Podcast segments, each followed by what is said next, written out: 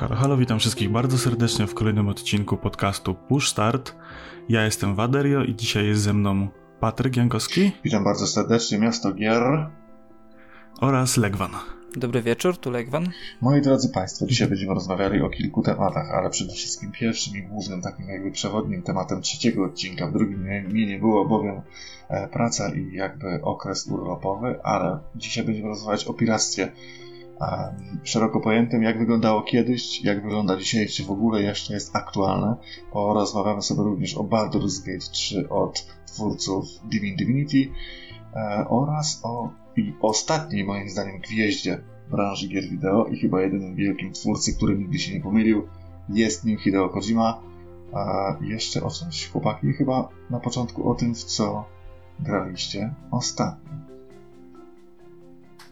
Oj, u mnie ostatnio się sporo dzieje, jeżeli chodzi o to, co, co gram, bo sobie troszeczkę zacząłem odkopywać i jeżeli jesteśmy przy temacie Hideo Kojimy, to ja ostatnio nadrabiam serię Metal Gear Solid, bo mnie ominęła. Jestem w tym momencie gdzieś e, po 12 godzinach trójki.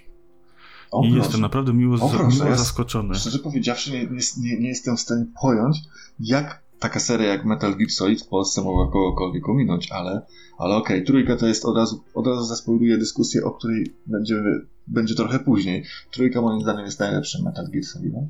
Tak technicznie, jak i fabularnie. Wiesz co, mnie, mnie ominęło to z tego względu, że... Może nie miałeś PS2. Nie miałem, tak, nie miałem PS2, zawsze byłem PC-owym e, graczem, a jak zacząłem... A trójki nie było na PC, tak?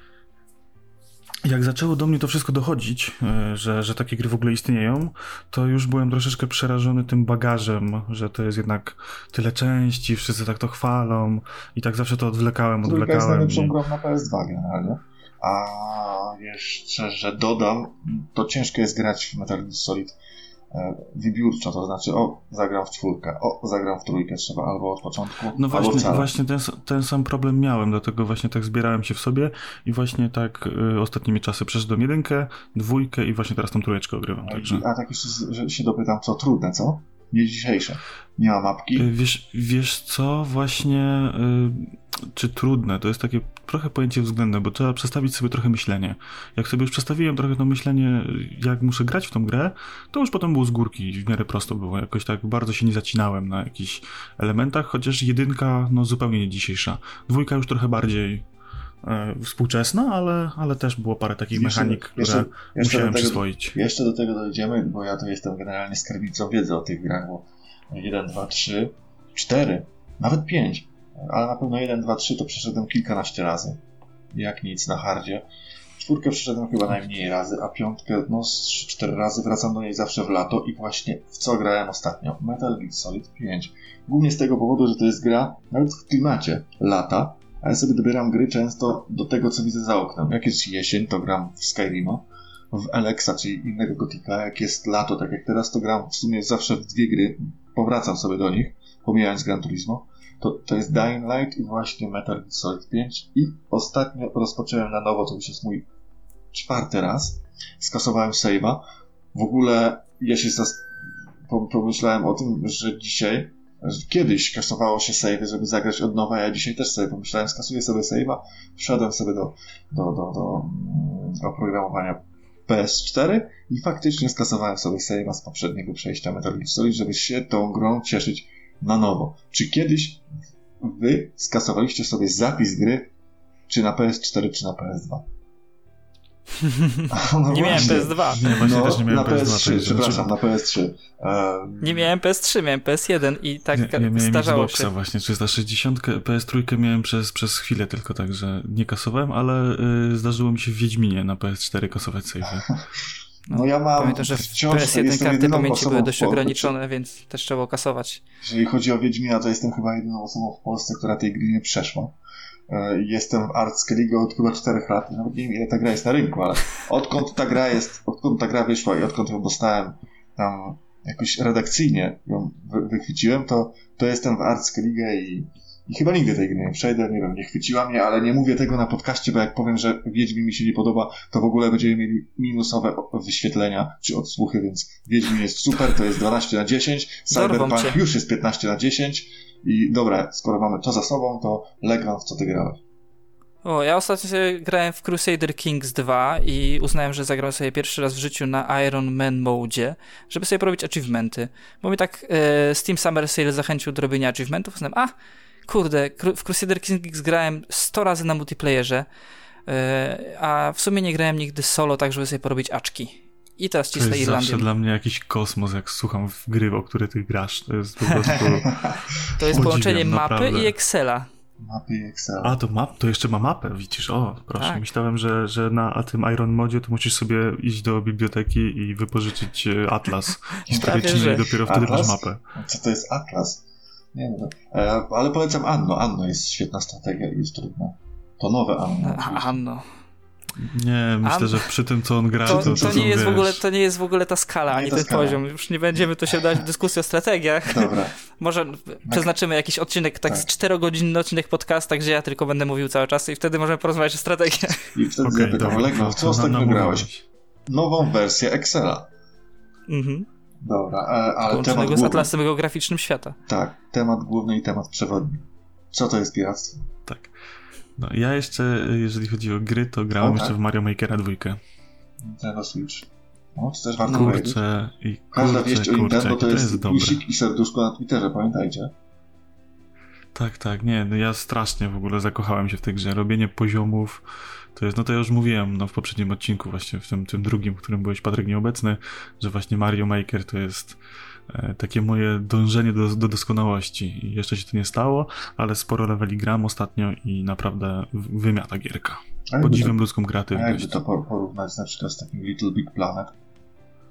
Wiesz co, ja się nie bawiłem edytorem a, Little Big Planet, okay. ale e, no Little Big Planet to jest zupełnie, wiesz, inne doznania platformowe. Ten Mario jednak w momencie, w którym gracze mogą zrobić jakieś w ogóle szalone poziomy, które są autoplayami albo jakimiś e, do speedrunowania, albo jakieś w ogóle robią takie mega artystyczne poziomy, gdzie zastępują bloki jakimiś, wiesz, układają bloki w taki sposób, żeby to nie tylko było funkcjonalne, ale też pięknie wyglądało. I to jest dla mnie jakiś kosmos. I na niektóre te levele to patrzę i nie wierzę, że ktoś to zrobił ręcznie na tej konsoli. I ja biorę ten edytor i, i nie umiem tak. No ale Little Big Planet też pamiętajmy, że ono było dużo bardziej yy losowe w, przez e, sposób poruszania się postaci, tak? Tam był ten ragdoll, tam były, była fizyka, a w Mario tego nie ma. W Mario jest bardzo, bardzo mechaniczny, bardzo oparty znaczy na mechanice. Te, te nowsze części, ten 3D World i, i ten e, Wii U, to trochę tam tej fizyki jest, trochę ten Mario jest taki bezładny. No Zresztą nam dochodzi strasznie dużo jakichś mechanik w postaci e, obniżonej grawitacji, podnoszącej się wody, tam jest dużo takich też rzeczy trochę... Tak, ale właśnie to są te mechaniki, które są przewidywalne i które zawsze się zachowują tak samo a, a, no, nie, a nie mają losowości. Wiesz co, no nie wiem, aż tak bardzo nie jestem zagłębiony w to Mario, żeby, żeby się tutaj wypowiadać, ale wydaje mi się, że jest tam też trochę takich e, elementów, e, powiedzmy, że musisz sobie wyczuć to bardziej. No w Little Big Planet też tak było, że musiałeś wyczuć te skoki, wyczuć to poruszanie się. Nie było aż tak bardzo losowe chyba, bynajmniej w te części, które grałem ja. A edytor tam też jest dość skomplikowany, bo widziałem trochę na, na YouTubie rzeczy, to, to ludzie też wymiatają i też robią dużo innych w ogóle mechanik w mechanikach, takich, wiesz, jakby programowali troszeczkę na tych obiektach, które tam są, więc, więc też, też petarda. No, to już jest stara prawda, że zawsze najlepsze gry powstają od moderów. Mhm. No to jak, tak jak cała seria The Elder Scrolls, począwszy od, od Morrowinda przez Obliviona i Skyrima, Bethesda sobie wydała e, gierkę, a moderzy ją naprawili. Tak. Tak. Tak samo no, było z Falloutem 4, ale akurat Fallout cały, 4 cały, Cała moba, cały Battle Royale, Właśnie, Counter Strike, to są wszystko rzeczy, które wymyślili ludzie. Teraz tak, autoczesy. Tak, którzy grali w jakąś grę i stwierdzili, że chcieliby coś fajniejszego. Moby. Dobra, bo odbiegliśmy tego od tematu. Od tematu Strasznie. Ale wracamy, wracamy do głównego tematu. Okay. tematu. Czy, czy, coś jeszcze żeście grali? Piractwo, czy jeszcze hmm. rozmawiamy o tym, co graliśmy? Bo ja Działam kursor. Głównie w MGS-a 5 ale o nim będę no to może, No to może przejdziemy do tematu piractwa. Jarhar. Tak płynnie. Ahoj, ahoj. Tak. Oj, piractwo. To... Czy wiecie, nasi drodzy słuchacze, czym jest piractwo? I nie mówimy o piractwie morskim, tylko mówimy o piractwie komputerowym i growym. Nie, i konsolowym. nie wiemy, nie wiemy, Legwanie, wytłumacz nam. Właśnie. Kiedy ktoś tak przygotował stary, jakieś, jakieś oprogramowanie, a ty je sobie kradniesz, to to jest piractwo. Znaczy to jest konkretnie łamanie tak jakby podstawowej tej licencji użytkowania, tak? Tak. Że dobieramy się do programu, do którego nie kupiliśmy licencji na użytkowanie jej, tak? Czy, czy to gry, czy to właśnie, czy to jakiś program komputerowy konkretny, czy muzyka, czy, czy film. Tak jest. Kradzież tylko, że wartości intelektualnej, a nie, e, a nie fizycznej. Dokładnie tak. No i co, i czy to piractwo jest złe, czy jest dobre? Moim zdaniem, Pira... e, no tu nie jest no tak. Piractwo zawsze było złe, Złe. chyba, no. No tak, ale generalnie może mieć też dobry wpływ e, jakby na odbiorców. Moim zdaniem w krajach takich Czy ja, biedniejszych ja tak, może być jedyną drogą Osobiście- dla niektórych ludzi na to, żeby z taką kulturą, z którą stykają się ludzie w innych krajach, na przykład bardziej zamożnych, to dla ludzi z krajów Znaczy, mniej zamożnych to jest jedyna chyba szansa to na to, jest- żeby w ogóle kulturę jakąkolwiek poznać. A wiadomo, że kultura człowieka jest ważna, bo kształtuje jakiś tam światopogląd. Em, a jeżeli ktoś do niej widzisz, dostępu i o ile mieć nie mówimy sobie o może, jakichś krajach e, biedniejszych, czy o krajach, które gdzieś ta kultura do nich nie dociera w takiej formie, czy tak jak to w Polsce było w latach 80., 90., gdzie pojęcie tej legalnej, nie legalnej ustawy, kultury nie było ustalone do końca. E, Zresztą też e, niekoniecznie te treści docierały w oryginalnej formie zawsze do nas, no to jednak uważam, że żyjemy w XXI wieku, e, w dobie streamingu, abonamentów i naprawdę za grosze e, można mieć dostęp do, do legalnych źródeł. A nie oszukujmy się, e, i mówię to z perspektywy osoby, która kiedyś siedziała w piractwie od tej drugiej strony, e, to jednak e, na tym się zarabia. To, to, że ktoś nie dostaje pieniędzy, czyli wydawca, producent gry, to nie znaczy, że osoba, która zrobiła czy tego ripa, czy skrakowała tą grę, nie zarabia na tym. Bo może, Dokładnie. może niektórzy o tym nie wiedzą, może dla, niektórzy, dla niektórych te wszystkie grupy krakujące są takimi Robin Hoodami i takimi osobami, którzy zabierzmy bogatej korporacji, rozdajmy biednym. Nieprawda, oni na tym zarabiają i zarabiają niemałe pieniądze. No, typowe stwierdzenie, o ja nie będę kupował gierek, nie jestem frajerem. No to mi się wydaje, że tego już dzisiaj nie ma. Znaczy tak mi się wydawało, może żyję w bańce.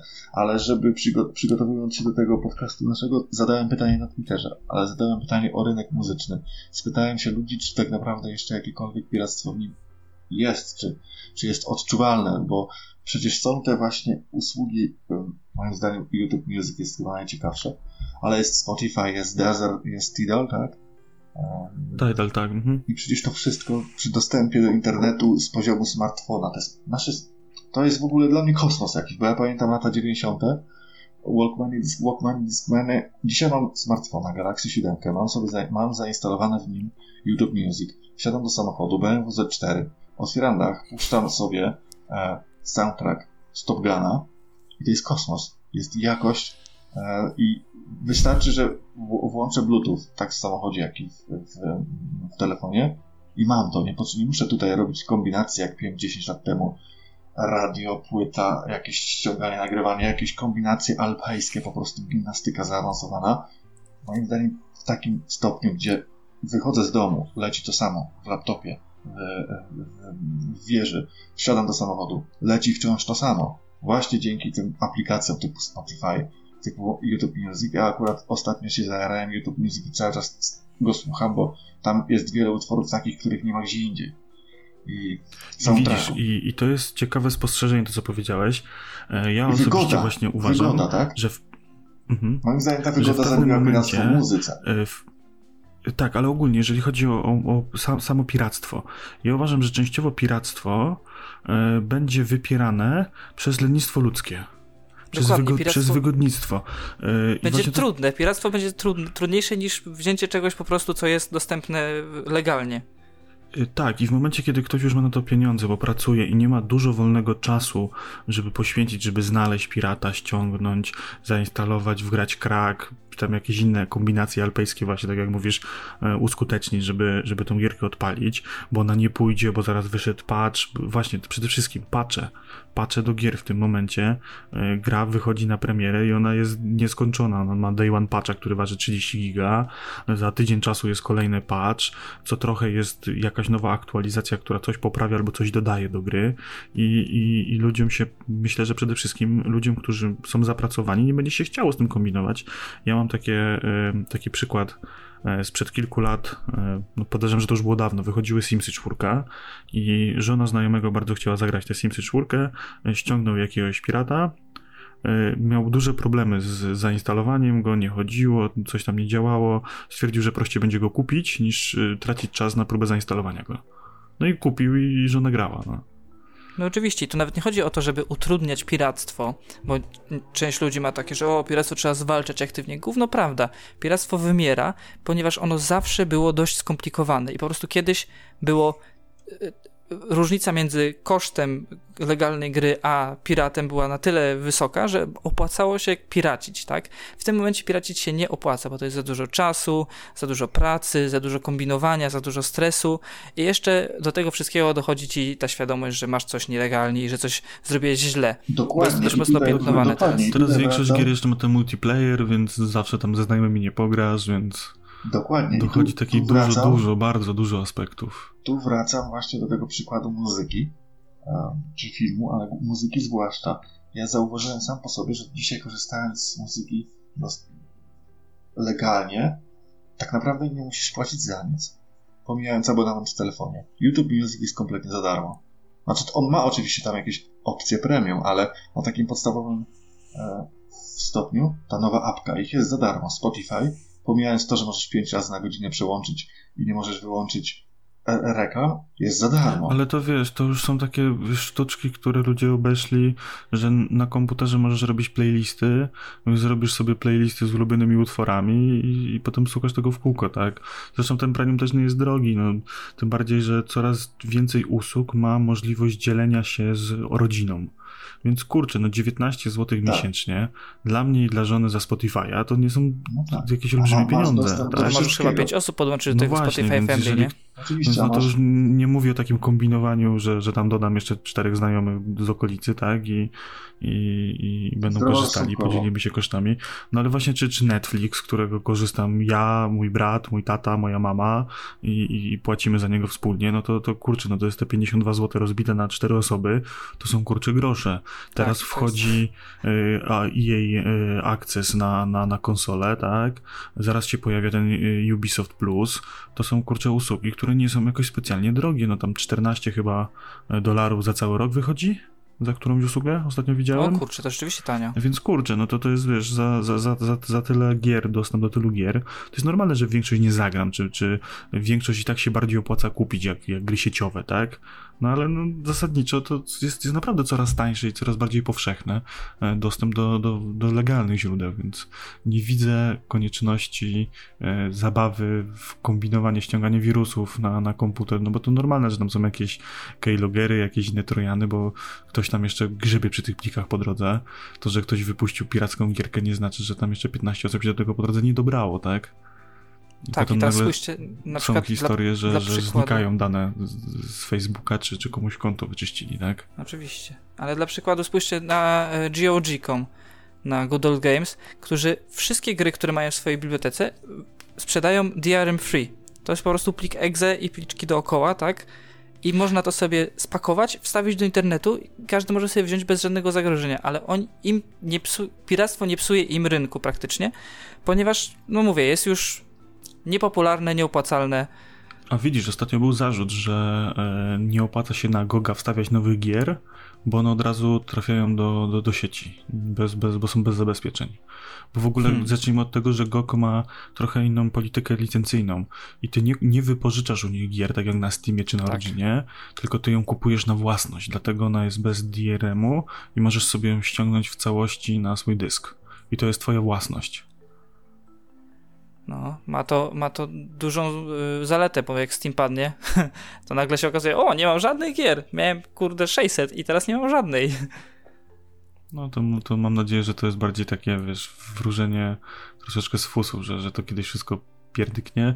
No bo nie oszukujmy się, jak pierdyknie, to pierdyknie cały świat, więc może, może bardziej w ten sposób. Bo o to no i właśnie w walce z, z piractwem chodzi głównie o to, że, że Inaczej, trzeba to podzielić na dwie rzeczy. Dzisiaj jest trochę inny świat niż w latach 90., ja zaraz opowiem, jak wtedy było. Wtedy to było w ogóle jeden wielki cyrk. A dzisiaj jest kultura zakupowa. Ludzie zarabiają trochę większe pieniądze, są bardziej świadomi tego, co kupują i chcą coś wydawać pieniądze na coś, w sposób rozsądny i rzeczowy. To znaczy, zarabiał, oczywiście te gry są wciąż drogie. Do takiej średniej, nawet najniższej wypłaty, no to one, one wciąż dość dużo kosztują, ale ludzie, którzy kupują konsole, to wiedzą, co kupują, wiedzą, po co kupują, wiedzą, dlaczego kupują. Dzisiaj, moim zdaniem, właśnie wyrobiła się taka kultura zakupowa, że ludzie z samego zakupu robią sobie nawet jakąś, że zakup już nie jest koniecznością, tylko moim zdaniem staje się przyjemnością. Ludzie często dzisiaj, media społecznościowe zrobiły coś takiego, że jak jest jedna wielka premiera gier, to ludzie tymi zakupami e, nawet się chwalą. Przecież niejednokrotnie na Twitterze widzę, że ludzie sobie kupują kolekcjonerkę, czy nawet grę w markecie i się tym chwalą. To znaczy, że to, i to jest tylko, to jest szczyt góry lodowej tego, tej dojrzałości zakupowej, bo e, skoro są w stanie wydać pieniądze, skoro wiedzą, że chcą wydać te pieniądze, wydają te pieniądze, to, to pochwalenie się w internecie tym, że wydali te pieniądze, to jest szczyt tego, że już dzisiejsze społeczeństwo polskie jest tak dojrzałe, że te 200 zł na grę na starcie jest w stanie wydać i wydaje. I, a druga rzecz to jest to, że na przykład Kiciński z CD Projektu powiedział, że nie chodzi o to, żeby walczyć z piractwem, bo zauważcie, że prawie żaden um, deweloper albo wydawca nie mówi otwarcie o piractwie, bo się nie opłaca, bo to jest tylko wtedy nagonka. Nawet samo EA już przestało mówić o piractwie. Nikt nie walczy tak otwarcie w przekazie medialnym z piractwem. Nikt nie mówi, że piractwo jest złe, bierzemy się za nich, chwycimy ich za bo widzisz, bo przede nie, wszystkim podejrzewam, że rozchodzi się ten największy zysk w tych pierwszych kilku dobach po premierze. Więc jeżeli będziemy nagłaśniać, że nasza gra trafiła na torenty i w ogóle już ją ściągnęło tyle ludzi i musimy z tym walczyć, to, to myślę, że wtedy wszyscy, ej, no to jak już jest gra na torrentach, no to po co będę leciał do marketu, tak? tak? I tylko wezmę... Publika się zainteresuje torrentami. Tak, tak, dokładnie, więc myślę, że to jest bardziej na tej zasadzie, że e, nie mówi się o tym po to, żeby przeciągnąć ten okres największej sprzedaży gry, no bo za pełną cenę, to kto ma kupić na premierę, ten kupi na premierę, tak? E, jeżeli mnie interesuje jakiś e, tytuł, to pójdę i go kupię w dniu premiery, a nie będę czekał na pierwszą promocję, tak? Albo kupował go za tydzień, bo to, to wtedy jakoś tak no, rozkłada się w czasie tak bezsensownie, tak? Jeżeli na coś czekam, to kupuję od razu. Jeżeli coś mnie interesuje w tym drugim tierze, no to poczekam, aż będzie już na pierwszej promocji po pierwszej obniżce, więc myślę, że tutaj właśnie na, najbardziej przede wszystkim rozchodzi się o to, żeby nie mówić o tym, bo jak ktoś nie jest zainteresowany, dużo ludzi myślę, że żyje w takiej bańce i nieświadomości, więc jeżeli ich poinformujesz, no to zaczną grzebać, szukać i może faktycznie stwierdzą, że, że może faktycznie lepiej ściągnąć, tak? Ale też y, to dzisiaj, tak jak Kiciński z CD Projektu mówił, że trzeba dać coś, czego pirat ci nie da. To znaczy trzeba walczyć na to, że content jest konkretny, a przede wszystkim to, co kupujesz, no, fizyczne, do, fizyczne dodatki do, do, do tych wszystkich e, gier, które wychodzą, to jest w ogóle coś fajnego, tym bardziej, że ludzie coraz częściej zainteresowani grami kolekcjonują te wszystkie gadżety, tak? Oczywiście, jest coraz więcej tych firm, które, firm, które robią jakieś koszulki, jakieś figurki, Mapy. tego wychodzi coraz więcej i to się zawsze sprzedaje, więc... Tak, ale ja mogę generalnie powiedzieć, jak było w latach 90 jak chcecie usłyszeć. W latach 90., moi drodzy, u mnie w mieście, ja mieszkam w mieście, które ma 25 do 30 tysięcy ludzi. Jak ja zaczynałem przygody z grami, jak miałem tam 10-12 lat, to pod koniec lat 90. na schyłku milenium, to u mnie w mieście było coś, co się nazywało, my mówiliśmy na to taki ruski rynek. To był taki rynek na górce. I tam głównie ja mieszkam na ścianie zachodniej, bardzo, prawie przy granicy, aczkolwiek to był taki schyłek, gdzie ludzie z wschodu przyjeżdżali tutaj, żeby się dorobić. I był taki ruski rynek i na tym ruskim rynku tak naprawdę mogłeś kupić co chciałeś. Mogłeś na... Jakbyś się postarał i pogadał, to myślę, że nawet byś kupił AK-47. Ale chodziło o to, hmm. że... To były takie czasy, że, że można było, no. Że idąc na ten rynek, tam były po prostu stoiska. Nie wiem, jeden facet miał garki, drugi miał parasole, trzeci miał jabłka i u każdego, ja pamiętam, że był taki facet, który sprzedawał garki. I u niego mogłeś po prostu iść, Rusek i zapytać o towar z podlady. I to, towarem z podlady były dyskietki na Pegasusa, muzyka na płytach i w takich, pamiętam, w takich um, foliowych opakowaniach z taką wydrukowaną okładką i gry. Pamiętam, że były gry na PSX-a. I te gry kosztowały, pamiętam, 15 zł. Pamiętam że te, gry jakoś tak w 2000 roku kosztowały w 1999, 2000, 2001, no to pamiętam, że ten ruski rynek tam był. Te gry kosztowały około 15 zł i to była tylko płyta. Jeszcze nawet e, raz albo trafiłeś wydrukowaną. Znaczy, że była na płycie był nadruk, jaka to była gra, a raz trafiłeś zwykłą po prostu. E, I pamiętam, że tam kolejki się w ogóle ustawiają do tego. To jak i, i naprzeciwko tego ruskiego rynku jest, był taki wielki postperelowski budynek, który był zaadaptowany jako galeria. U mnie w mieście nadal, nadal to stoi, tam był taki sklep. My mówiliśmy na to Sony, bo tam zawsze był taki wielki banner Sony. I tam gra, pamiętam jak dzisiaj Silent Hill kosztował 200 zł. I pomyślcie sobie, nie, nie, przygotowałem się, nie sprawdziłem. Nie pamiętam, jaka była najniższa krajowa w 2000 czy, 9, czy 1999 roku najniższa krajowa. Jeżeli Silent Hill kosztował 200 zł wtedy, to wiadomo było, że do tego Ruska nie po AK-47, To były kolosalne a po gry wtedy. będzie ustawiała się kolejka. I ja pamiętam, jak dzisiaj to są nostalgiczne, sentymentalne wspomnienia, do tego Ruska szła cała kolejka. Wszyscy ludzie to kupowali. To jest teraz. Dwa. Było jeszcze coś takiego, że mieliśmy w mieście serwis RTV AGD. Był gościu, który po jakimś tam technikum wiedział, jak naprawiać wszystko. Wyobraźcie sobie, że sobie wymyślił, że będzie e, nagrywał gry wideo, e, gry na PS1 i sprzedawał. Wszedłeś do niego, on ci miałeś listę, facet miał te gry, mówił przyjdź na drugi dzień, on ci to nagrywał, przychodziłeś na drugi dzień, odbierałeś grę. Mało tego, jakoś jak zaczynałem, to był 98 pamiętam, to był, jest też u mnie taki komis i w tym komisie była lista gier ze 150 tytułów. Oczywiście to było nie, oczywiście, że to było nielegalne, ale wszyscy wiedzieli, że jakieś tam przyzwolenie na to było. Szedłeś do tego gościa z tego komisu, prosiłeś o listę, brałeś listę, przeglądałeś, mówiłeś 72, nie wiem, tam GTA 2 i pamiętam, że te gry kosztowały 7 zł. Dostawałeś po prostu Hmm. nagraną płytkę i to kosztowało 7 zł. To ja wtedy takie, ja się To przyznaję widzisz, do tego. Ja się po to prostu widzisz, ja mimo tego, że, że, że trochę młodszy, to pamiętam jeszcze takie czasy, że właśnie Tak chodziło było. się z tatą na taki lokalny bazarek i na przykład był e, pan, który e, miał podpiętą Amigę z dwoma stacjami dyskietek i można było u niego za piątaka na własnej dyskietce nagrać sobie Nagrać, jakąś grę. Z reguły... e, Nie wiesz, czy dobrze się nagrało, wracałeś do domu, a tu nic.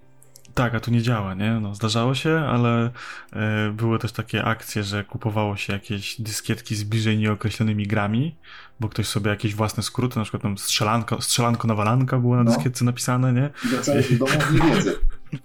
I, I nie wiedziałeś, co bierzesz w ogóle. E, Dyskietki do, do Pegasusa, kartridże do Pegasusa, które e, też bliżej nieokreślonymi e, były zawartościami, a trochę później, właśnie tak już bliżej 2000 roku, to pamiętam właśnie, że można było płyty CD do, do PC-ta, wtedy jeszcze kupowałem i też nie, nie podpisane, to już można było sobie wybrać z listy, jaką grę się chciało i też właśnie tak, to była taka cena około 10-15 złotych No, i tak. można było e, sobie e, wymieniać, jak się przyszło do tego samego kolesia, jak się go trafiło, bo on tam w różne, co którąś sobotę był na tym bazarku lokalnym, bo jeździł po różnych ościennych miejscowościach i jak przyjeżdżał, to można było sobie wymienić, jak się miał tą jego płytę, którą wcześniej nie była bardzo porysowana, to można było sobie za piątaka zamienić na inną, więc to jeszcze takie rzeczy pamiętam. No u mnie, no u mnie to był konkretny, naprawdę, pamiętam, że 90 lata to był konkretny Teksas. Ja pamiętam, że Teksas, gorzej niż Teksas. U mnie w mieście można było sobie przerobić PS1 za 100 zł. Ja, tak jak mówię, nie pamiętam jakie były wtedy zarobki, ale 100 zł dla człowieka, który był w podstawówce, to było przecież przepaść. Albo kupowałeś sobie diskorolkę, albo rolki, albo przerabiałeś sobie playa. Ja pamiętam, że Ja odkładałem zbierałem to... trzy miesiące na Tamagotchi. Nie, pamiętam, miałem Trzy to... miesiące. miałem Właśnie nie, wtedy, wtedy, wtedy naprawdę wartość pieniądza była troszeczkę inna Ogromna. i, i dla- dlatego myślę, że, że właśnie to był taki złoty czas piractwa, ale właśnie przejdźmy może trochę do tych czasów już y, internetowych, jak to te pierwsze internety, wychodziły pierwsze modemy i te wszystkie programy typu osiołki czy, czy Torrenty. torenty. Y, Ta, tam się dopiero działo, tam się dopiero działy cuda. Ja też zachodzę w głowę, bo, bo, bo, bo czy to w ogóle dzisiaj jeszcze żyje i czy ktokolwiek jeszcze tam dzisiaj zagląda w dobie tego, że jest właśnie tyle tych usług. Ja wiem, że ten internet no, popchał to, znaczy wy, wypchał Bazarkowiczów, bo moim zdaniem od, Wypchał Bazarkowicza do internetu, trzeba było kombinować bardziej, tak. Y, Ja mam trochę jeszcze znajomych, którzy z czasów właśnie e, moich studenckich, kiedy właśnie siedziałem na, na pewnym trackerze torrentowym i właściwie byłem jego współwłaścicielem i, e, i trochę tych gier ripowałem, krakowałem, to mam trochę znajomych i to kręci się, tylko troszeczkę w taką inną stronę to poszło. W tym momencie bardziej to jest taki zbiór wszystkich głupich programów, które lecą teraz w telewizji. i nowości kinowych w jakości nagrania smartfonem spod kurtki w kinie. A, okay. I te no wszystkie jeszcze, właśnie jeszcze szkoły oprogramowanie takie- profesjonalne, Photoshopy, jakieś kurcze, no cały pakiet Adobe, czy jakieś tam to ja czy zadaję inne- o- Wiesz, to, ja to, to, to momencie już stare rzeczy, bo Adobe już dawno przeszło na tego Xclouda chyba, tak? To się chyba nazywa. Creative Clouda. O, Creative Clouda No, i, i te to też usługi abonamentowe, więc... Temat rzeka. Ale dalej są dostępne pirackie wersje. Tak, tak, to nawet, to Tak, nawet tak. nie, nie ja teraz bardzo- od jakiegoś czasu już używam oryginalny, ale przyznam się, że dość długo Masz- używałem masz piracki, nawet jak już byłem na? Creative Cloudzie. Widzisz, no to nawet nie wiedziałem. Więc właśnie, więc y, na tych trackerach torrentowych naprawdę można konkretną kasę wyciągnąć i ja pamiętam jako student, to wam powiem tak szczerze, że y, z samych y, reklam y, miesięcznie to było około 1000 zł za same reklamy z wejść na stronę. Ho, ho, ho. Plus gdzie tam jeszcze był To cały na system... do- jednak zarabiałeś, no. Hajs się zgadzał. Gdzie tam były jeszcze, no to, to oczywiście trzeba było płacić serwery, tam było dużo ludzi do podziału z tego, tak? No ale jeszcze był cały system e, właśnie dotowania strony, że ludzie przysłali e, przelewy, paypale, smsy na, na stronę, żeby sobie tam wykupić jakieś e, zwolnienie z wysyłania plików i tak dalej, więc tam całe te systemy były wymyślone po to, żeby to zarabiało i to naprawdę hulało w takim najlepszym złotym okresie, gdzie tych stron torrentowych to było ze 100, jak nie więcej na polskim rynku, to one naprawdę zarabiały grube pieniądze. No tak, i teraz w ostatnich czasach już praktycznie najpopularniejszy działał e, Pirate Bay, a w tym momencie nawet nie wiem, czy Pirate Bay jest na chodzie. E, Pirate Bay jest chyba najbardziej ścigany, bo ja tak z czystej ciekawości sobie śledzę tego Pirate Bay'a i on jest w tym momencie y, chyba tylko i wyłącznie do obsługi y, przez jakieś y, VPN-y i y, bramki proxy, bo oni go cały czas przenoszą. O, On a nie, jak- ja właśnie ma- wszedłem i działa na orgu przynajmniej. Bo czasami działał na orgu, czasami działał na jakichś szwedzkich. Tak, bo oni cały czas Yy. przenoszą, cały czas przenoszą te adresy i ja kiedyś widziałem całą taką na Reddicie chyba listę y, adresów y, do, do proxy, które łączą, żeby nie, żeby robili to po to, żeby nie było widać wejść na, na, na serwerze za bardzo, żeby ich było trudniej wykryć.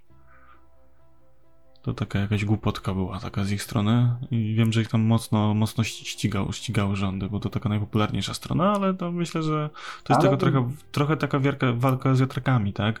To, to, to jest coś, co zawsze będzie. To jest w tym momencie już złe i już e, trochę niepopularne. Opinia publiczna to już coraz bardziej hejtuje i, i coraz częściej się spotyka tak, że ktoś się nie przyznaje do piractwa, tak? Już kiedyś to każdy miał gierkę i mm, nosiło się dyski, całe tuby z płytami i się wymieniało z kolegami, a teraz myślę, że większość osób spojrzałaby na ciebie jak na wariata. Mhm, Co ty w dokładnie. ogóle robisz, nie? Dokładnie.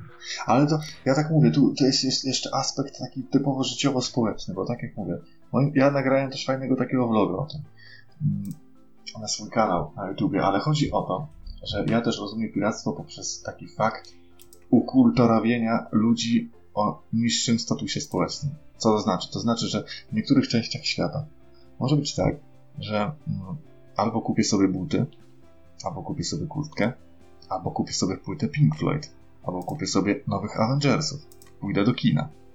Z czasem jest tak po prostu w niektórych miejscach na świecie.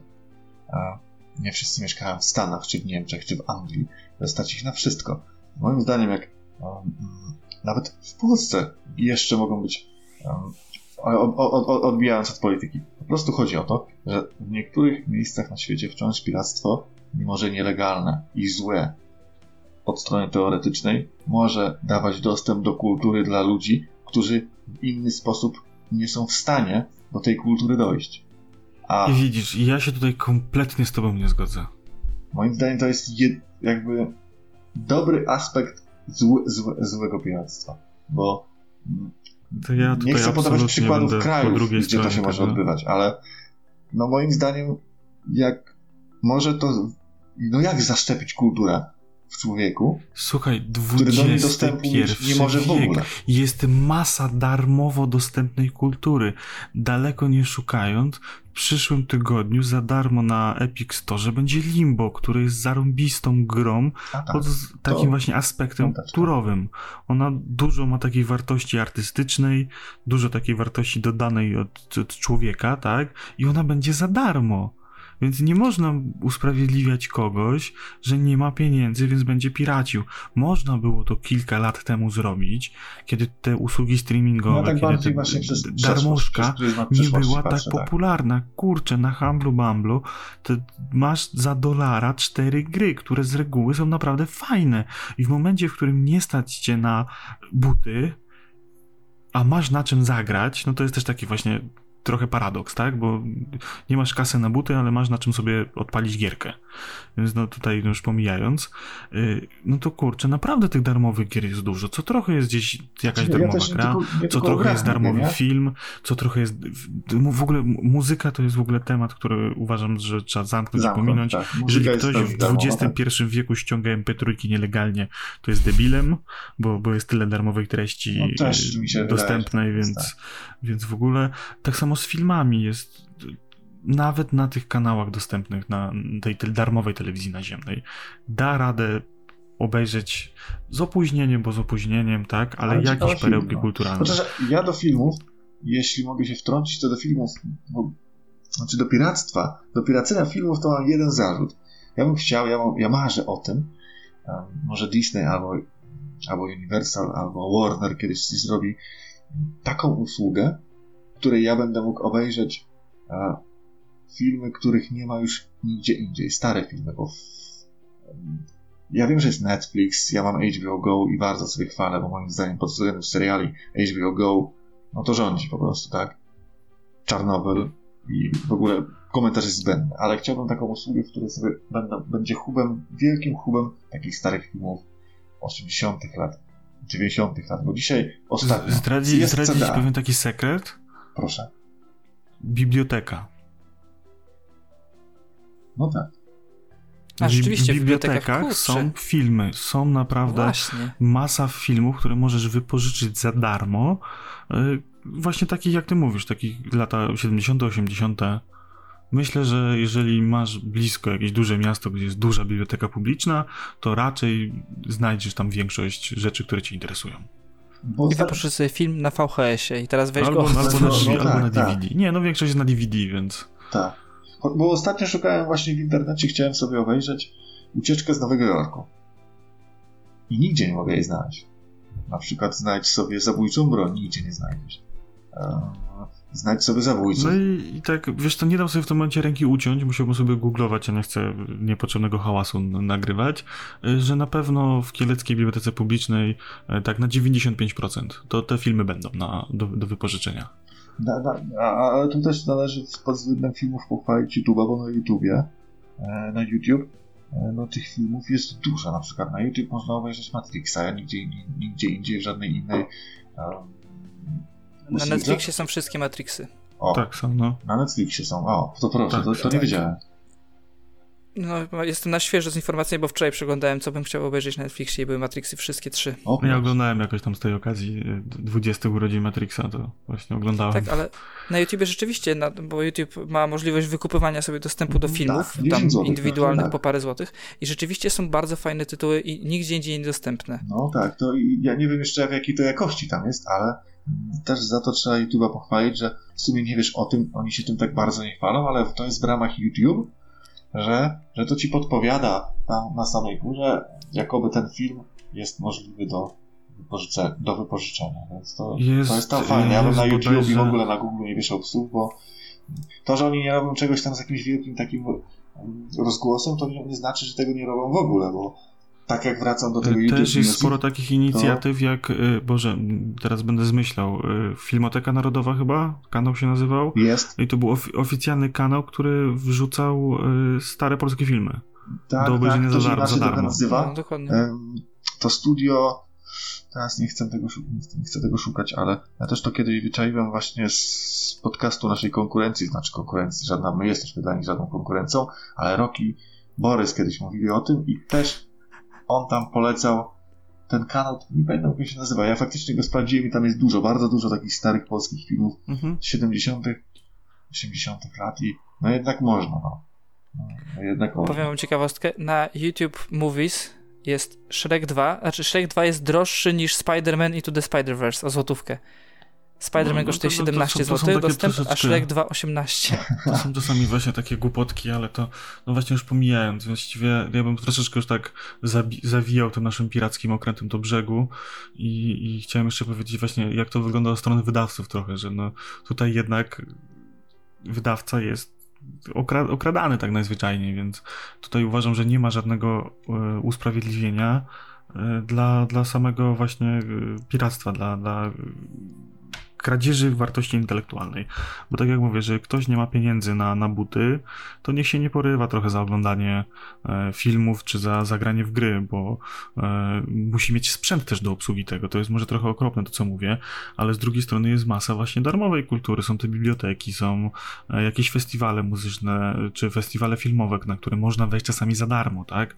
Jeżeli jest się uczniem, studentem, można iść do, do, do biblioteki, do muzeum, gdzieś tą kulturą się obeznać i, i pomału, pomału nadrabiać trochę te, te, te zaległości i w momencie, kiedy troszeczkę się będziemy odbijali, to można inwestować, jeżeli to jest nasza pasja, ale nigdy nie, nie będę popierał tego, żeby y, no kraść zwyczajnie, tak? Mimo tego, No że chyba, sam, że mówimy o jakiejś sam to Afryce. Kiedy, no, no to, to już, ale tam już jest w ogóle y, pojęcie wartości intelektualnej to jest już w ogóle, tak? Y, Tam ciuchy, tak, są podrabiane, nie wiedząc, że są podrabiane, tak? Więc dla nich to jest coś normalnego, bo nie mają zarejestrowanego danego znaku towarowego i tyle, więc, Mhm. więc to jest zupełnie co innego. Więc z perspektywy osoby, która sama niejednokrotnie ściągała filmy czy gry, czy sama produkowała tego typu rzeczy, y, no uważam, że to jest złe, no i nie powinno mieć to miejsca w ogóle. No i tyle. E, To ja zakończę to w taki fajny bardzo sposób, bo jako magister ekonomii społecznej stwierdziłem, że sobie zadam pytanie na Twitterze, co ludzie tak naprawdę o tym myślą i zadałem pytanie, czy piractwo wymarło. I, jak, i, i, były cztery opcje do wyboru. Tak, w pewnym stopniu, nie oraz inne. W, jakby w ankiecie wzięło um, udział 25 osób, za co dziękuję i wyobraźcie sobie, że 36% ludzi wybrało, że w pewnym stopniu. Czyli em, tak naprawdę nie wszyscy się zgadzają z tym, że go już nie ma, tylko że jest jakby takie nie, e, jest jakby mniej widoczne, ma mniejszy wpływ, ale no, że w takim pewnym stopniu zostało wypchnięte przez te wszystkie różne usługi, o których mówiliśmy. 32% nie zgadza się z tym, że wymarło, 28% e, zgadza się z tym, że wymarło, a 4% e, wystawiło tam kilka, kilka komentarzy. Głównie tam chodziło o fakt tych, tego, że może jest Spotify, a ja wam powiem jeszcze taką ciekawostkę z mojego życia. Dzisiaj jestem, e, powtórzę się i nie chwalę się, magistrem ekonomii społecznej i e, anglistyki stosowanej. I jak miałem 15 lat, to faktycznie ściągałem sobie MP3 e, Pink Floyd. A teraz, po latach, e, mam e, albumy Pink Floyd kupione w Empiku. E, nie, to nie jest promocja. Po prostu tam były. I myślę, że po latach ludzie, którzy gdzieś tam sobie wcześniej e, piracili w taki czy inny sposób, bo nie było innego dostępu, to potem wracają i na pewno jest jakiś du- duży procent ludzi, którzy, którzy to kupują. Ja jak poszedłem, jak kupiłem The Dark Side of the Moon albo The Division Bell, to, to wydawałem te pieniądze z ogromną przyjemnością. W sumie na The Division Bell to mógłbym sobie co, co, co wypłatę wydawać pieniądze, bo, bo to jest najlepszy album chyba, e, jaki kiedykolwiek słuchałem. A, a teraz przechodzimy do Hideo Kojimy, bo, bo, bo czas nas goni. Dobra. A, kto to jest Hideo Kojima? To jest taki e, pan, który zrobił MGS. Nie tylko. Zaczynał od Snatchera, no ale fakt, z, zrobił MGS i teraz robi grę dla Sony, bo wypadł z Konami, robił świetny Silent Hills, ale wypadł z Konami. Jego ostatnia gra to MGS5, który był podzielony, tak do połowy jest konkretny. Mm, Moim zdaniem MGS5 to jest najlepsza gra TPP akcji na PS4, na Xbox One i po prostu to jest koniec, to jest opinia, mam na jej prawo i tak uważam ale fabularnie to już ma niewiele wspólnego z, z MG, MGS-em, bo Metal Gear Solid to zawsze były bardzo długie filmiki, bardzo filmowa mm, sprawa i ogólnie Kojima to jest moim zdaniem jedyna gwiazda dzisiaj, która tak um, lśnie w gamingu. To jest gwiazda roka gier komputerowych. Znaczy, widzisz, ja mam, ja mam odrobinę jest... problem z uznawaniem jednej osoby, która pracuje nad grą AAA jako główno dowodzącego. To znaczy, jest, wiadomo, wiesz, sam tego takie... nie robi, nie? Um, sam nie, nie, nie projektuje drzew, czołgów, um, ale jest takim mózgiem, który to napędza i w tych jego grach na przykład to czuć. Kojima ma to do siebie, że każda z jego gier jest o czymś i ma jakieś przesłanie. W sensie. Tu się, to, to, to tak, tu się zgodzę, jeżeli chodzi o, o, o Kojimę i o to właśnie, że on dba na, ten, dba na tym scenariuszem, ale właśnie ja mam ogólnie problem z tymi osobami uznawanymi za, za jakieś gwiazdy branży, za, za Petera Takich Moliniu. jest wiele. Czy, czy... Peter Moliniu. Peter Moliniu, ale można się śmiać. Ale pierwsze jego gry, pierwsze Fable, przepiękna rzecz. Oczywiście Kłamczuch. Piotruś Kłamczuch. Ale no dobra, to jest no ale no monument. kurczę, przecież no, on jest tylko twarzą, to jest wiesz, wzięcie PR-owca, który powie to samo i ja uważam, że tam jest tysiąc innych osób, które są bardziej warte uwagi na poziomie produkcji, bo ktoś zrobił zajebiście piękne drzewko, czy zajebiście piękną mechanikę jazdy konikiem, e, czy, czy, czy, czy, cokolwiek innego, tak? O kurde, nie, no, ogólnie, ogólnie, ogólnie, ogólnie, jeżeli chodzi o gry. I, I nie uważam, żeby jakąś konkretną jedną osobę powinno się stawiać na piedestale tylko i wyłącznie dlatego, że ma tyle jaj, żeby wyjść przed ileś tam set osób i powiedzieć, że ta gra będzie zajebista, bo, bo on to robi. A on tak naprawdę tam powierzchowne jakieś szlify tylko, nie? No to ja wiesz, projekt, projektowanie, projektowanie gier to nie jest kuchnia, to wiesz, to, to że na, w kuchni, na, w topowych restauracjach masz tego szefa kuchni, który tylko próbuje, czy, czy wszystko smakuje tak, jak on tego chce i wszyscy inni dogotują, to, to jednak tutaj jest troszeczkę bardziej skomplikowany proces, no. Nie, ja uważam, że ja tutaj... Akurat ja akurat tutaj kom kompletnie się nie zgadzam. Wyobraźcie sobie na przykład YouTube bez Bono albo Queen bez, bez Frediego, albo nie wiem, Led Zeppelin bez Roberta Planta, przecież to jest niemożliwe. Faktycznie oni tylko śpiewają, ale są twarzą tego. Jak samo Kojima jest twarzą, a takich twarzy w, jakby w świecie gier jest mnóstwo. Na przykład No ale dobra, ale weź sobie ws wsadź na przykład y, Bono do jakiegoś pierwszego, lepszego zespołu disco polo, nie wiem, tam do Zenka Martyniuka i niech tam śpiewa pod tym rytmy. No nie pójdzie. Ale właśnie tu nie chodzi do końca o to, że on, bo on nie jest tylko twarzą, on jest też wizją. Dokładnie. Trzeba pamiętać, że on też jest wizją tej gry. Przecież on tworzy całą wizję gatunek, i tak? Nie zrobił. cała ta ekipa tworzy tą grę pod jego wizję. Tak. No. A takich ludzi no, jest, jest kilka i to są monumenty, które są potrzebne, bo w filmie są gwiazdy, są gwiazdy, nie? No Mission Impossible bez Toma Cruza? Średnio, nie? Albo na przykład Terminator bez Cameruna? No wiemy jak wyglądają Terminatory, które, które, no, widzisz, które, no, no i właśnie, których nie nagrał Cameron. No. Jeżeli chodzi o filmy, to jest dość ciekawe, bo ja właśnie bardziej od aktorów, którzy grają, cenię reżysera i operatora. Dokładnie. Dokładnie. To, ja właśnie zawsze, jeżeli patrzę na jakiś produkt, czy to grę, czy coś, to, to ja zawsze bardziej nie tego wizjonera, który wpadł na ten pomysł, tylko na osobę, która bezpośrednio to w jakiś sposób wyrzeźbiła, tak? No, ja myślę, że Kojima tak? w pewnym sensie jest też właśnie takim y, reżyserem z tego to swojego jest przede wszystkim nie reżyser filmowy, który przeszedł do branży gier, żeby zrobić e, filmową grę. Tu trzeba jemu oddać to, że faktycznie pierwszy Metal Gear Solid, a pamiętam, bo jestem trochę wiekowy, pamiętam jak to wychodziło i jak stało się to z miejsca najbardziej oczekiwaną i najlepszą grą na pierwszego PSX. A dlaczego? Bo to było w tym okresie, kiedy na ekrany kino wchodził Matrix i wszyscy się jarali bullet time'em, zwolnionymi um, ujęciami i w ogóle taką trochę inną filmowością i on to zaszczepił do gry wideo. Jak sobie rzucicie okiem na wiele ujęć z pierwszego MGS-a i w ogóle to, jak to było mocno fabularne, takie znaczy, sam, filmowe, sam, e, sposób to fabuły jest, jest genialny i tu się jak najbardziej zgodzę. Jako scenarzyście tych wszystkich gier, to ja mu jak najbardziej oddaję hołd, ale niekoniecznie uważam, że, że tak jakby cała ta wizja jest jego, bo podejrzewam, że część rzeczy, które są w tych grach, to gdzieś jest jakaś składowa programisty, grafika, designera i trochę jego. Więc no on uważam, że no super scenariusze pisze i tutaj mu hołd jak najbardziej składam, bo tak jak mówię, grałem w tą jedynkę, dwójkę i teraz gram trójkę i scenariuszowo to są świetne rzeczy. No ale no, musiałbym, no, że tak powiem, zobaczyć faktycznie, czy, czy faktycznie on te wszystkie rzeczy wymyślał, a reszta była tylko jego narzędziem. Bo, bo no, dla mnie zawsze to jest składowa kilku innych jeszcze rzeczy, żeby coś powstało, coś, coś fajnego, jakieś arcydzieło powstało, to jest dużo różnych czynników jeszcze. Na pewno w przypadku, w przypadku gier, czy filmów, czy muzyki to są jeszcze inne składowe ludzkie, więc to są już w ogóle takie czynniki totalnie abstrakcyjne, bo człowiek nie jest. Myślę, że też sam... zależy dużo od gry, bo są gry, które na przykład są bardzo silnie fabularne, tak? I tam w sumie gameplay nie ma drugorzędne znaczenie i wiesz, i może po prostu wszystko opierać się na tej wizji, na, właśnie na tej fabule, na tym, na tym scenariuszu. Generalnie no, Kojima inaczej. Branża takich ludzi potrzebuje, a takich ludzi jest na przykład dużo i wielu z nich jest przykutych jakby do jednego gatunku, bo jest taki gościu Shinji Mikami. To jest człowiek, który moim zdaniem stworzył horrory w ogóle.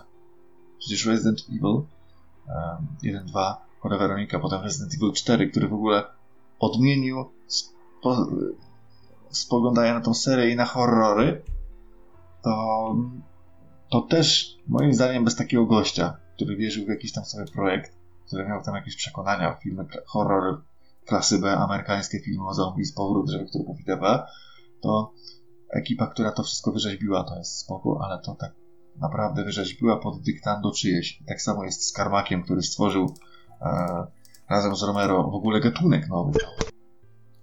No ale widzisz i widzisz, i to jest zupełnie co innego, bo to były takie czasy, kiedy faktycznie, jak sobie czytam e, jakieś artykuły, wywiady z tamtych czasów, czy oglądam jakieś materiały, to faktycznie to jest dzieło ich rąk. On, on siedział, Karmak, bo widział, jak coś tam zobaczył, coś mu się podobało i stwierdził, że on sobie to chciałby u siebie w jakiś sposób.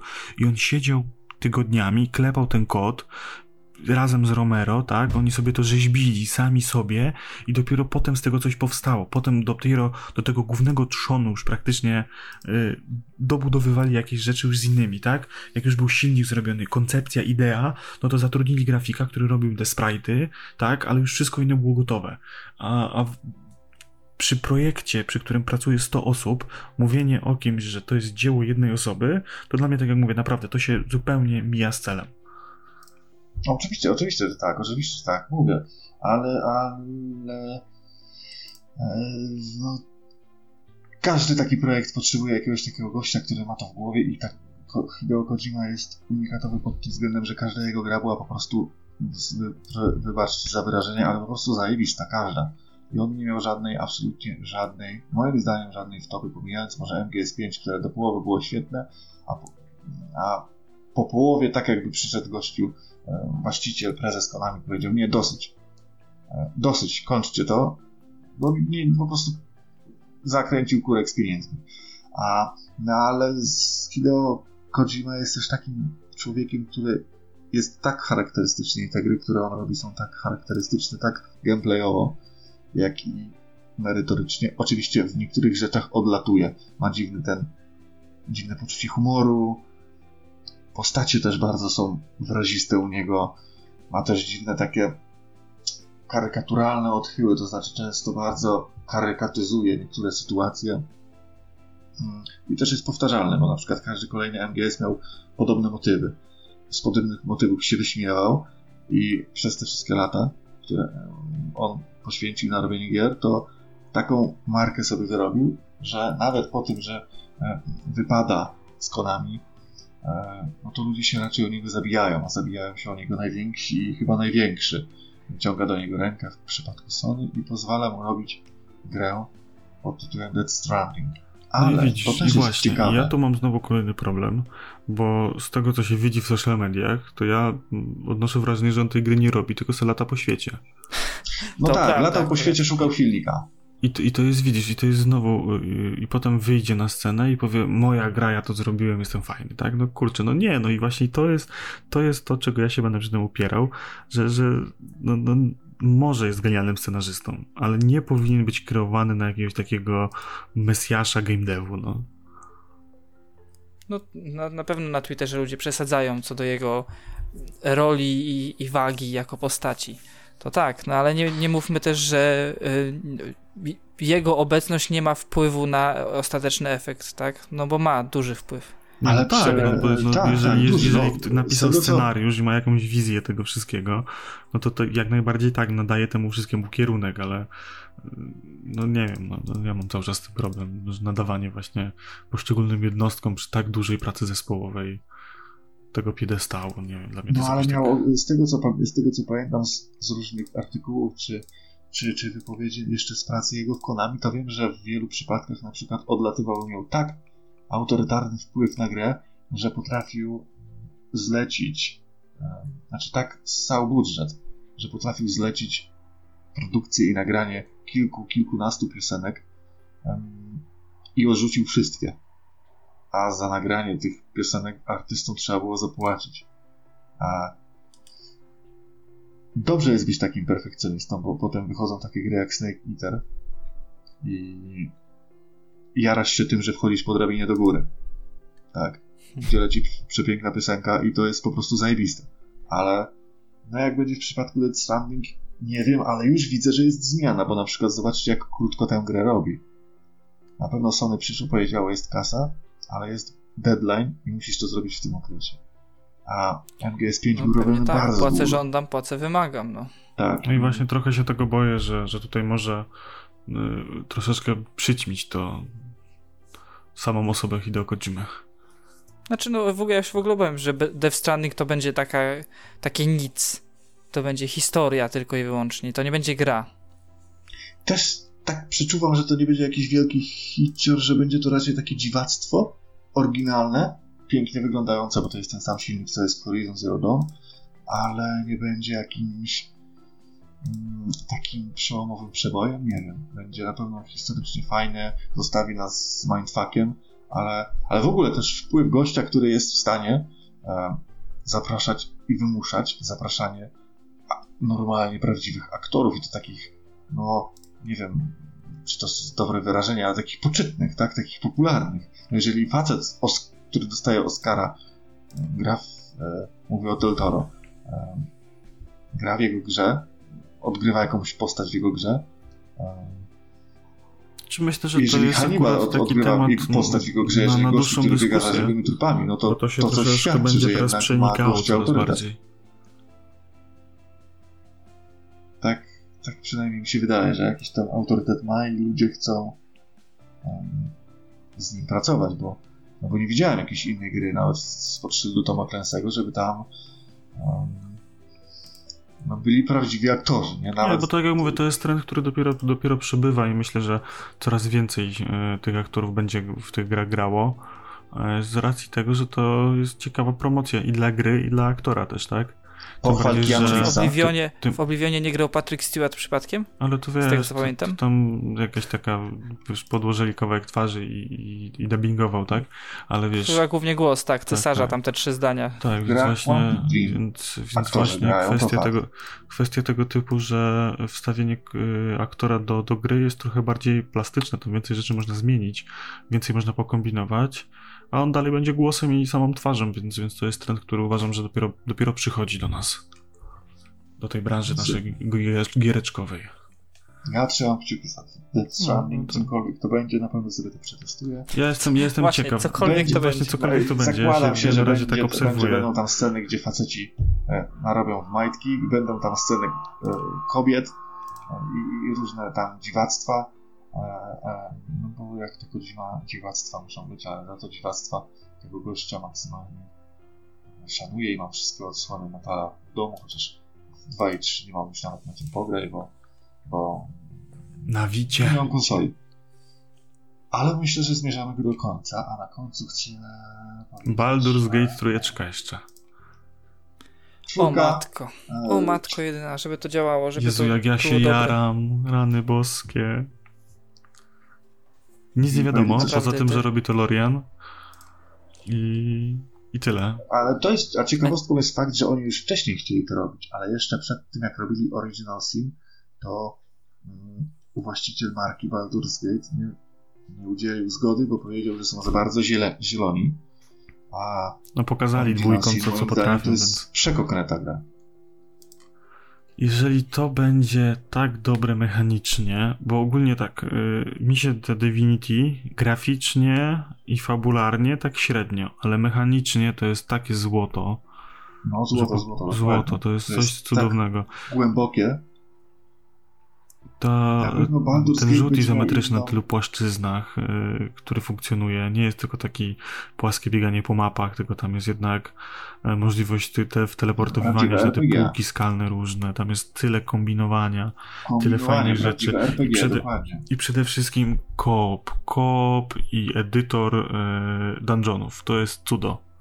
To jest... Nawet nie tylko koop, że jak w Baldurze będzie multiplayer, taki full, full opcja multiplayer, że mogą być dwie postaci na dwóch różnych mapach yy, w danym momencie na serwerze i wiesz, kurde, to by było. No ja właśnie w, Neverwinter w Divinity przecież tak było, że tam cztery, cztery, cztery osoby żeśmy grali po, po, mhm. przez internet, w, w koopa tak jakby i fajnie była ta walka turowa rozwiązana, że tam był jakiś zakres yy tak jakby działania tej tury i jak jakiś gracz był poza, to on się poruszał normalnie i mógł sobie dołączyć do innej walki, czy oddawać questy, a osoby, które były tak jakby w tym obszarze e, turowym, to toczyły walkę turową. Także super, no jak... super innowacyjne rozwiązanie uważam. Ja bym 100 lat myślał, bym nie wymyślił, ale może dlatego nie pracuję w game devie. Ja miałem setki, jak nie nawet pod tysiąc godzin w Neverwinter Nights grając na serwerze, e, serwerze roleplayowym na Embarosie. I powiem ci, że kurde, ta walka była real time, ale rzut izometryczny to był jeden z pierwszych chyba rzutów izometrycznych w pełnym trójwymiarze Neverwinter Nights 1. Mhm. To było złoto. Och, kurde, jakie bym chciał tego Baldura już zobaczyć. Także ja właśnie czekam bardzo, aż y, naszło mnie, żeby sobie y, ograć jeszcze raz jedynkę i dwójkę w tej wersji odświeżonej, chociaż tam słyszałem, że ona jakieś tam problemy ze sobą ma, ale Przed myślę, że... w drogę należy zabrać drużynę. Tak, dokładnie. Hmm. Właśnie Korcin no to jest świat, który, który bardzo, bardzo lubię i który mnie wciągnął na wiele, wiele godzin. Ciekawostkę mam też taką z mojego życia growego, że nie Baldur's Gate, a była jeszcze taka gra tych samych twórców, moim zdaniem lepsza, Icewind Dale. To była moja pierwsza gra na PC, jaką sobie kupiłem kiedykolwiek. To było chyba w 2051. Tak, też była super. No, mam do dziś. Znaczy, no, Ale Baldur bal, bardziej jakoś mi kupił. Bardziej tak. No właśnie mi też Baldur stanowczo z tej trójcy, wielkiej, wielkiej trójcy, Baldur's Gate, Icewind Dale i Planescape Torment. Torment. Torment przegadany, Baldur ale... był tak najbardziej wyważony między tymi ja, dwoma. Wiesz co, ja tak y, z perspektywy czasu uważam, że Planescape Torment y, byłem za młody na tą grę. Tak, no bo ona jest bardzo fabularna. E, e, Icewind Dale z kolei jest bardzo e, arcade'owy, a Baldur jest tak pośrodku. No nie, właśnie to jest, to jest z nim super, że i tam w ogóle ten świat fantazji, Boże, jest za dzieciaka, jak w ogóle te wszystkie historie, które były tam, czytałem te ściany tekstu, to po prostu jakbym dobrą książkę miał w ręce i japa mi się cieszyła i, i naprawdę czekam i mam nadzieję, że zrobią to bardzo, bardzo dobrze. I, I, kurczę, detali więcej, kiedy, gdzie, trailer, cokolwiek, a nie, że No jeszcze, jeszcze chwilę musimy poczekać, ale z ich gier, i, i tutaj wygłaszam swoją opinię, e, najlepsza była ich pierwsza gra z tej serii, to znaczy pierwszy Divinity mam do dzisiaj na trzech płytach. Pierwsze Divinity, to, dobrze kojarzę, że to była taka drewniana gierka, która trochę chciała być trainem, trochę Diablo. chciała być Diablo, to Ale też lightem, tak? czymś lepszym.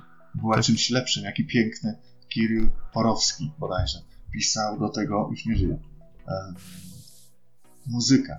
Genialna gra. Pamiętam, że to było genialne. Myśmy z kumplem do, przechodzili, mieliśmy dwa savey, po godzinie graliśmy. Uciekaliśmy ze szkoły, graliśmy po godzinie i on przełączył się na swojego save'a i szedł dalej. Ale pamiętam, no mistrzostwo świata, do dzisiaj w to grał.